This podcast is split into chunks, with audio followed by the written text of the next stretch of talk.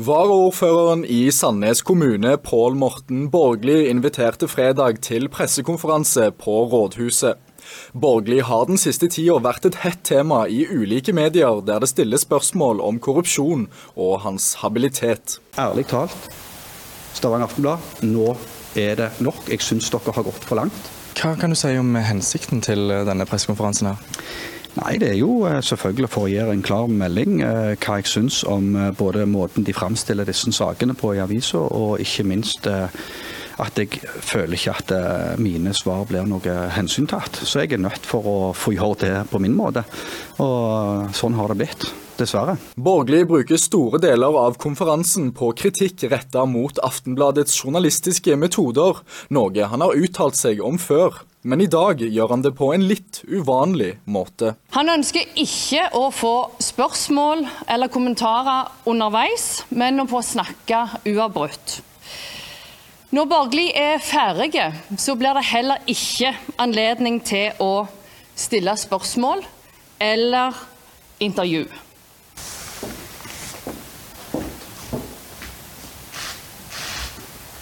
Da takker vi for oppmøtet. Ikke et spørsmål, altså? Varaordføreren lar seg allikevel intervjue i etterkant av konferansen, men Aftenbladet vil han ikke svare til. Prosjektredaktør i avisen fulgte med fra Aftenbladets egen direktesending. Hva står du igjen med etter pressekonferansen?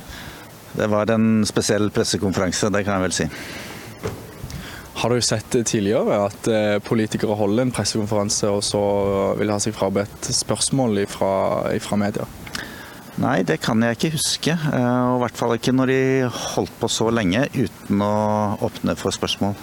I, I, starten av pressekonferansen så blir det gjort klart at eh, du i utgangspunktet ikke vil gi kommentar til, til noen. Eh, hvorfor valgte du å gjøre det på den måten? Det er fordi at jeg, jeg, føler av og til jeg ikke blir gjengitt korrekt. Og jeg føler at mine svar ikke betyr noe. Jeg har side opp, side ned. Jeg har, jeg har så mye dokumenter jeg har avgitt. Det betyr ingenting.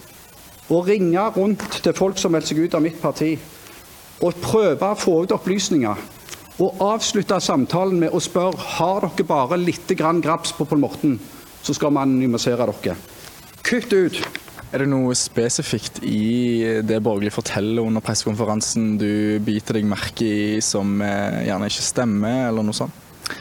Nei, eh, han kommer jo med en rekke påstander om journalistikken vår som ikke stemmer. Eh, og Det er jo krevende å høre, men det må vi tåle å høre. Men det stemmer overhodet ikke mange av de metodene han lanserer. Eh, vi står for den journalistikken vi leverer, og det er pressens oppgave å drive journalistikk på politikere, og kanskje spesielt ordførere og varaordførere.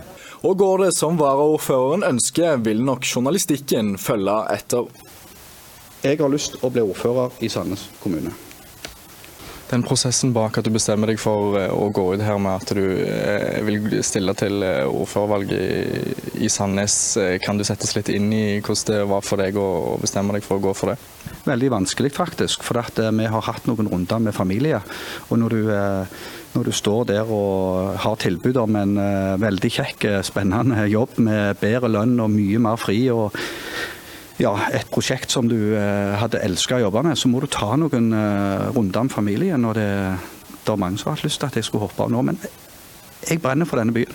Sitter dere på noe eh, mer om Borgli som vil komme de, i kommende tid? Vi jobber videre med saken, det kan jeg si. Hvor går denne saken videre for deg nå? Nei, nå er det sånn at Jeg har ikke lest Aftenbladet på fem uker. Jeg trykker ikke på noen ting. Det gjør ingen i min familie. og Så må vi bare vente, og så kan noen ringe meg når dette er ferdig. Mm.